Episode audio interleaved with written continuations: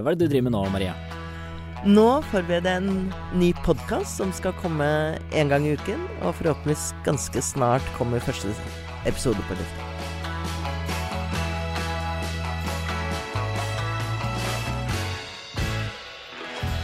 Endelig får du din egen podkast. Det har jo tatt litt tid, og det har vel vært litt sånn navnetrøbbel. Eh, hva skal den hete?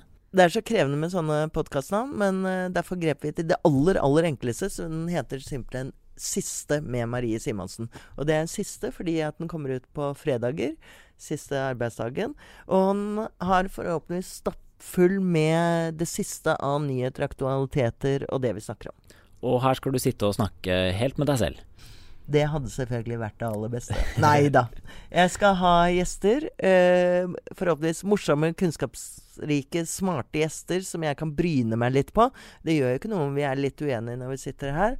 Og vi hadde faktisk en eh, plan om at uh, vi skulle lage en podkast som het 'Marie møter folk som ikke liker henne'.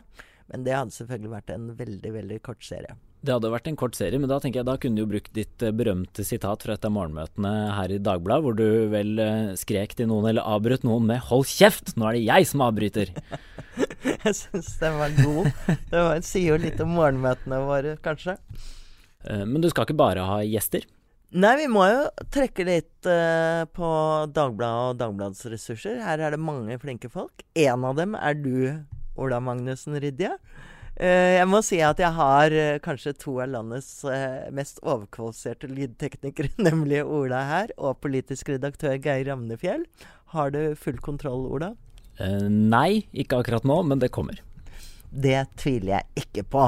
Jeg føler at jeg har en uh, viss kontroll, jeg også. Men, uh, men, det er jo Er det ikke riktig at det skal være litt sånn nerver og litt armer og bein i, rett før man går på lufta? På generalpremieren? Noe må gå skeis på generalprøven. mm. Men nå gleder jeg meg i hvert fall veldig til å gi dere siste med Marie Simonsen. Og jeg håper dere hører på og liker det dere Flott.